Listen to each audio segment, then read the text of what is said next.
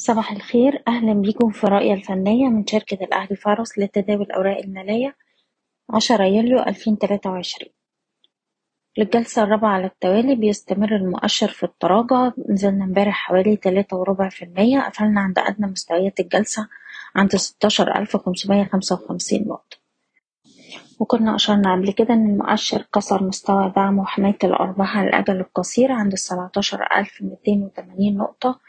وقلنا إن دي إشارة سلبية وتفتح الطريق لمزيد من الضغوط البيعية في جلسة امبارح الضغوط البيعية كانت قوية على كل مؤشرات السوق ودفعت المؤشر للوصول لمستوى الدعم الرئيسي عند الستاشر ألف خمسمية وستين نقطة. ودي منطقة دعم هامة بنراقب فيها أداء القوى الشرائية.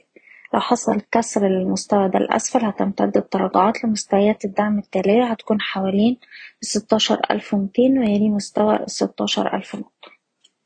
أما أول مستوى مقاومة هيكون حوالين الستاشر ألف وتمنمية وباختراقه يكون مستوى المقاومة التالي عند السبعتاشر ألف ومية.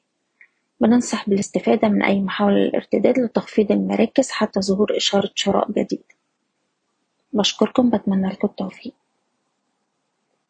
إيضاح الشركة غير مسؤولة عن أي قرارات استثمارية يتم اتخاذها بناء على هذا التسجيل.